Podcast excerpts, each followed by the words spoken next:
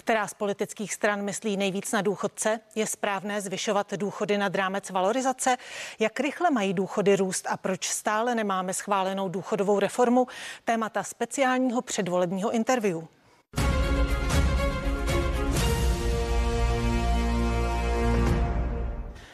A mými hosty jsou rektorka Mendlovy univerzity v Brně Danuše Nerudová. Dobrý den. Dobré odpoledne. A ekonom Miroslav Zámečník. Dobrý den i vám. Dobrý den. Díky za pozvání. Paní Nerudová, začala bych u vás. Politické strany před volbami bojují o přízeň voličů, o přízeň voličů seniorů. Eh, vládní strany mohou nabídnout víc, mohou nabídnout finanční podporu a také to dělají. Eh, v pondělí vláda schválila 300 korun zvýšení penzí o 300 korun nad rámec valorizace. Je to správně? Je potřeba si uvědomit, že eh, naše důchody jsou skutečně nízké. Hranice příjmové chudoby je 13 640 korun a my máme více jak 300 tisíc důchodců, kteří mají důchod nižší, než je tato, tato částka. Na druhou stranu je potřeba říct ale, že to přidávání nad rámec běžné valorizace je přidávání na dluh. A já nevidím nikoho, kdo by byl schopen říci, eh, kde se na to vezme, eh, jaké dodatečné příjmy do toho rozpočtu budou zapojeny, anebo jaké výdaje budou omezeny, tak, aby to nebylo dluhové financování. Pane zámečníku, je 300 korun nad rámec valorizace jen předvolebním dárečkem, jak říkají někteří kritici? No tak eh, kumulativně ty poslední roky jsou, jsou eh, prostě výrazně jdoucí nad, nad rámec a ten byl mimochodem upravován, takže dneska zohledňuje Eh, index eh, spotřebitelských eh, výdajů domácností důchodců, vlastně podle toho, který by vyšel výhodněji pro, pro ty seniory, takže jak si tvrdit, že, že by že by se mělo zvyšovat na ten rámec, platí to, co řekla paní Danuše. Prostě musíte říct, kde, kde na to vzít, kdo chce být hezký, musíte udělat fiskálně neutrálně. V opačném případě je to předvolební populismus, to je prostě nekrytý Eh, nekrytý výdaj. Já s tím jako ekonomové asi těžko můžeme souhlasit. Nicméně, jak paní Nerudová zmínila, nepřevažuje nutnost ty důchody zvedat, protože Čechům, kteří uh, skončí v práci, jdou do důchodu, uh, se výrazně uh, propadnou ty příjmy a je to v průměru na 76% No, on je ten systém jako kalibrován v, ve prospěch těch, kteří odváděli a vydělávali předtím výrazně méně, méně než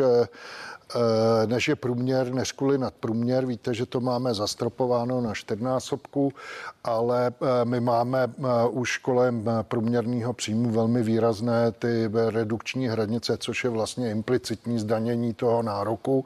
Takže kdo vydělával dobře, dostává takhle, ta ksivka klesá, až prostě ten rozdíl je, je dramatický. Jako to mi říkají kolegové, kteří léta slušně vydělávali a ten přechod eh, eh, do, eh, do důchodu pakliže by byli odkázáni na tu, na tu státní penzi, tak, tak je docela drastický. On se ten systém chová jakoby hezky s, s lepším procentem jako pro ty, pro ty nízké důchody, ale to nemění nic na tom, že, že vlastně máme tady lidi, kteří jsou buď těsně nad hranou příjmové chudoby, nebo i pod ní. Jo? Prostě, takže to se potom řeší tou jako minimální sociální dávkou pro seniory nebo říkejme tomu nepodmíněný příjem pro eh, seniory, což eh, je věc, které některé ty eh, penzijní systémy, systémy mají. Paní Nerudová, to zvýšení o 300 korun měsíčně od ledna, je to tak významná částka v tom plánovaném schodku státního rozpočtu, který je pro příští rok 376,6 miliardy korun?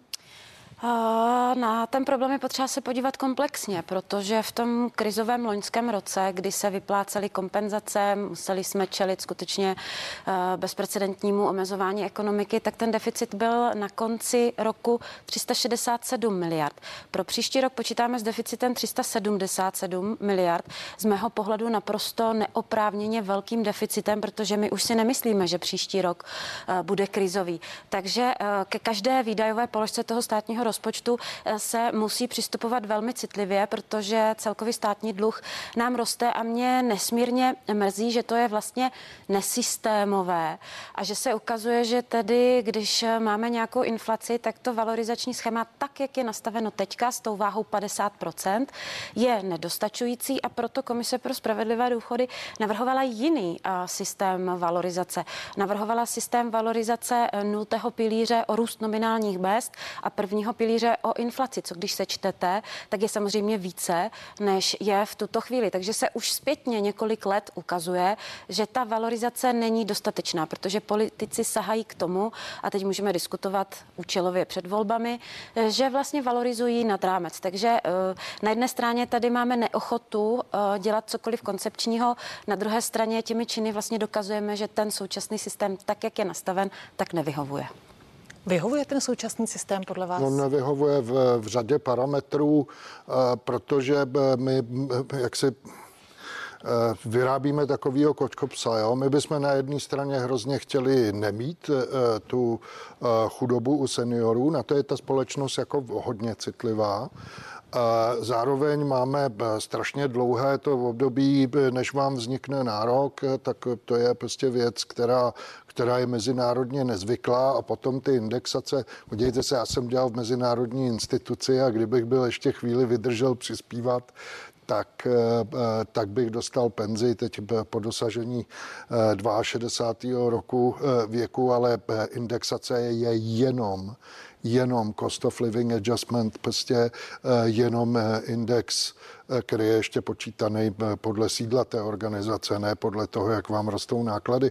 Nicméně eh, jsou běžné systémy, které prostě eh, indexují, vlastně chtějí zachovat kupní sílu toho důchodu a už jako nezohledňují nějaký vývoj národohospodářské produktivity. To se dá pojednat různě. Otázka je, na, na co budeme mít peníze a jakým způsobem. Tak jako spravedlivá, férová je indexace podle životních nákladů domácností seniorů.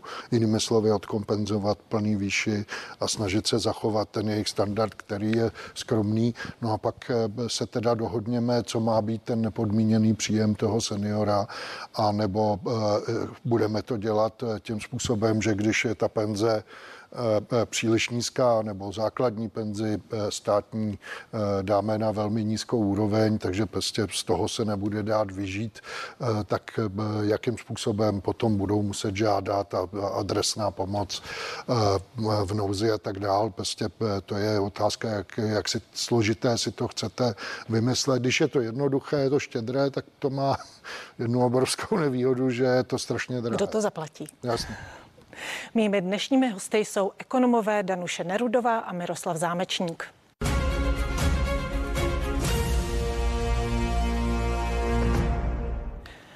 Paní Nerudová, bude si moci i budoucí vláda eh, dovolit takový komfort eh, zvedat eh, vlastně důchody nad rámec valorizace?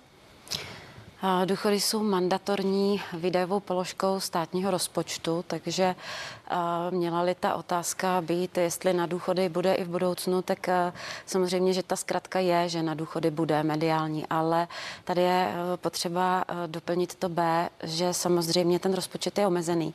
A pokud e, existuje v podstatě nulová ochota nebo neexistuje ochota diskutovat o revizi výdajové strany nebo o revizi příjmové strany státního rozpočtu, tak je vlastně potřeba vést diskuzi o tom, o té prioritizaci těch výdajů, na které další věci nebude. Zda bude na zdravotnictví v takovém rozsahu bezplatně, jak jsme zvyklí, nebo zda bude na školství v takovém rozsahu bezplatně, jak jsme zvyklí.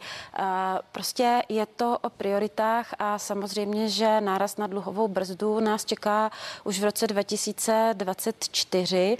Vládě zřejmě zbyde v podstatě jedno období, kdy bude muset redukovat výdaje. O to to bude samozřejmě krvavější, pokud nepřistoupí k tomu, že populisticky dál tyto pravidla rozvolní.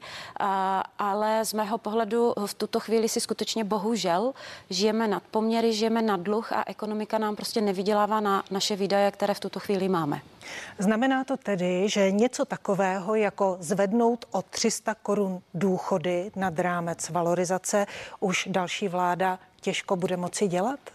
Já myslím, že ta diskuze by měla být především o tom, proč musíme zvedat něco nad rámec valorizace, když k té valorizaci existuje nějaké valorizační schéma. Tak je potřeba to valorizační schéma změnit. Ale já jsem nezaznamenala jakoukoliv diskuzi o tom, že by byla snaha to valorizační schéma změnit, pokud už třetím nebo čtvrtým rokem nevyhovuje a musíme přidávat seniorům nad rámec valorizačního schématu. Pane Zámečníku, kde by měla vláda po uh, volbách vzít peníze na financování důchodů? Mělo by to být změnou daní, Například? To je eh, extrémně dobrá otázka, taky prostě popravdě řečeno eh, to, na čem, eh, na čem se ta vláda úplně zasekla.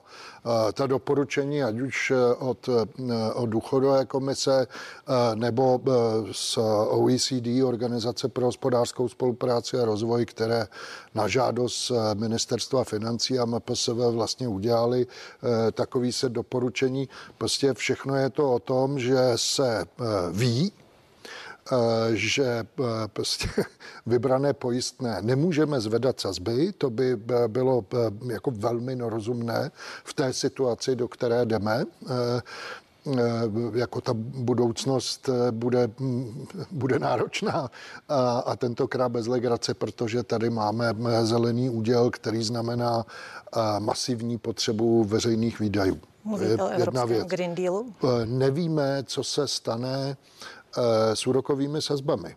Jako to může být eh, zítra, bych řekl, že porostou o základní měnově politické sazby o, o, o 0,5%, ale eh, na tom to nemůže skončit, protože ta protiinflační politika, ona má i své hnízdo inflace, které je uvnitř české ekonomiky, to je přehrátý trh práce, to je evidentní, to jako bez diskuze to bylo ještě předtím, kdy čipů bylo eh, všude dostatek, takže jako není se na co vymlouvat a s čím otálet. No jo, jenomže celá konsolidace veřejných financí se s Danuší určitě shodneme, že je naprosto nedostatečná. Je zároveň postavená na předpokladu, že úrokové náklady jsou 0,8% HDP. Když je zdvojnásobíte, tak máme seriózní problém za nějakých 40 miliard korun na vrch a to se stane jedna, dvě. Jo? Takže eh, kde na to vzít? Eh, ano, to je ta otázka. Je, je prostě eh, otázka, jako budeme se muset podívat na daňový mix a to nejjednodušší, eh, co jsme mohli udělat, je skutečně, když se mluvilo o tom, že ta opatření při rušení superhrubé mzdy, že se šlo na 15%, to je prostě hrubá národohospodářská chyba. To nebylo dobře ani jako dočasné opatření, ale když už jsme ho udělali, tak jsme ho měli striktně dělat jako dočasný. Jo, prostě to znamená dočasné snížení daní, který mělo vytvořit nějaký poptávkový impuls. Eh, tohle, kdyby jsme měli, jinými slovy v roce 23 už by se prostě sazby vrátily na tu, eh, na tu předchozí úroveň, která vyplývala z té efektivní daňové sazby před zrušením superhrubé mzdy, tak, tak to je první krok. Jenomže těch úprav bylo víc a jedna z ošklivých věcí na těch indexacích nad rámec zákona, těch, těch valorizací mm-hmm. nad rámec zákona je to, že oni vám zvedají ten základ, neustále vám ho zvedají a potom jim relativně malá úprava vyjde na strašně moc peněz.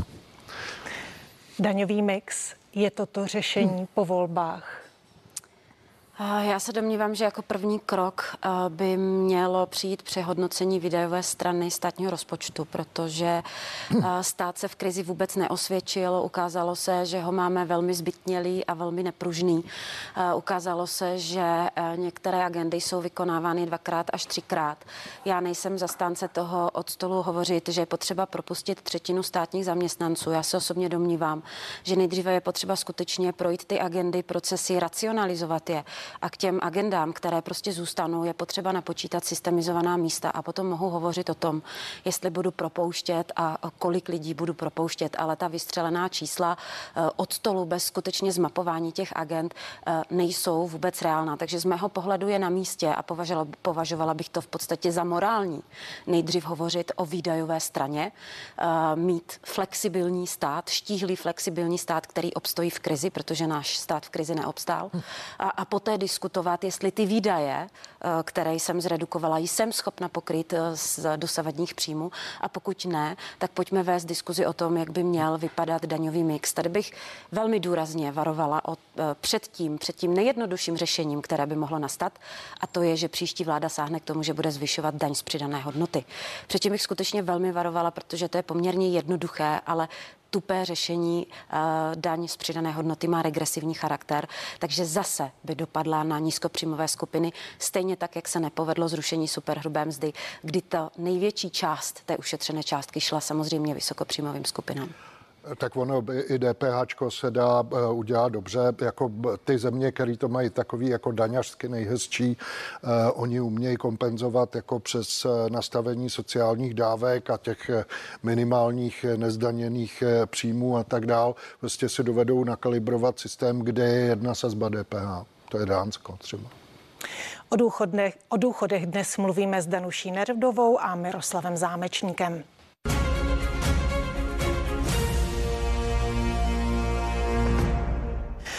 Pane zámečníku, eh, důchodová reforma, mluví se o ní desítky let, zatím žádná není, nicméně eh, až přijde důchodová reforma, bude třeba podle vás zvedat věk odchodu do důchodu?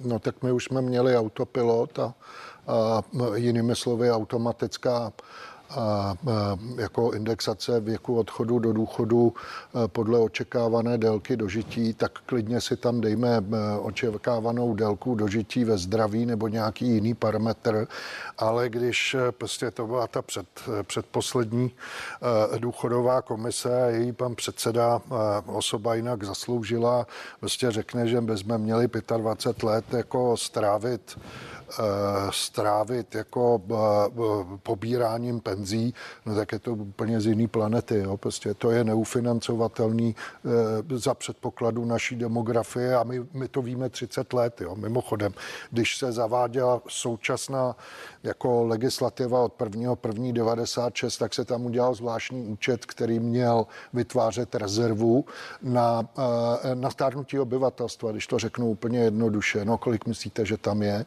Jako jako za 30 let tam mohlo být jako Kolik? opravdu hodně peněz, není tam ani floka.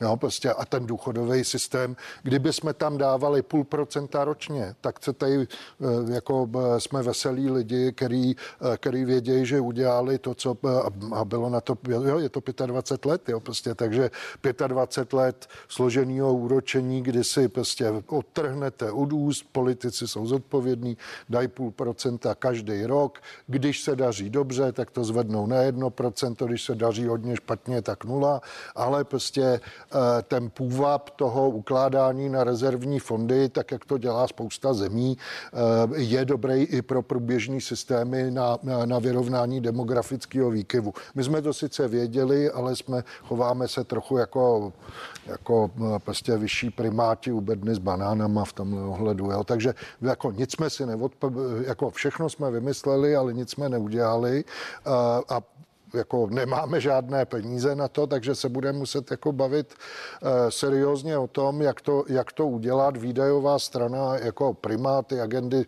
jako činnosti, které jsou vykonávané dvakrát, tak to je opravdu zvěrstvo a, a platí princip, že by se ta státní zpráva měla třeba podnikatelů ptát na jeden údaj pouze jednou. Jo. Paní Nerudová, obejdeme se bez zvyšování věku odchodu do důchodu? Do budoucna? Tak my ekonomové víme, že to je poměrně jednoduchý nástroj, jak velmi rychle ten systém vybalancovat eh, zpátky do plusu. A v tuto chvíli vlastně před dvěma půl lety ta komise, která má přehodnocovat věk odchodu do důchodu, rozhodla na těch dalších pět let, že ten věk odchodu, důchodu, věk odchodu do důchodu se zvyšovat nebude. Tady je potřeba říct, že si musíme uvědomit, že poprvé od druhé světové války nám díky covidu vlastně klesla o rok v loňském roce naděje na dožití a že i zřejmě v tom letošním roce klesne ta naděje na dožití. Takže uvidíme, jak to přehodnocení věku odchodu do důchodu bude vypadat. Nicméně ta komise naše navrhla vlastně rozdělení toho prvního pilíře na nultý a první, což mimochodem umožňuje to stanovit věk odchodu do důchodu různě v různých pilířích a je to nástroj, ke kterému šahají vlády na západ od nás, takže já předpokládám, že pokud bude existovat dohoda tady na tomto, tak by něco podobného mohlo existovat i u nás. Mými dnešními hosty byly rektorka Mendlovy univerzity v Brně Danuše Nerudová. Díky za to. Děkuji za pozvání. A ekonom Miroslav Zámečník. Díky i vám. Já děkuji za pozvání a mějte se pěkně. A vás ještě pozvu ke sledování předvolebního ekonomického pořadu, jak volí vaše peněženka. Začíná už za chvíli, tak se dívejte a užijte si hezký zbytek dne.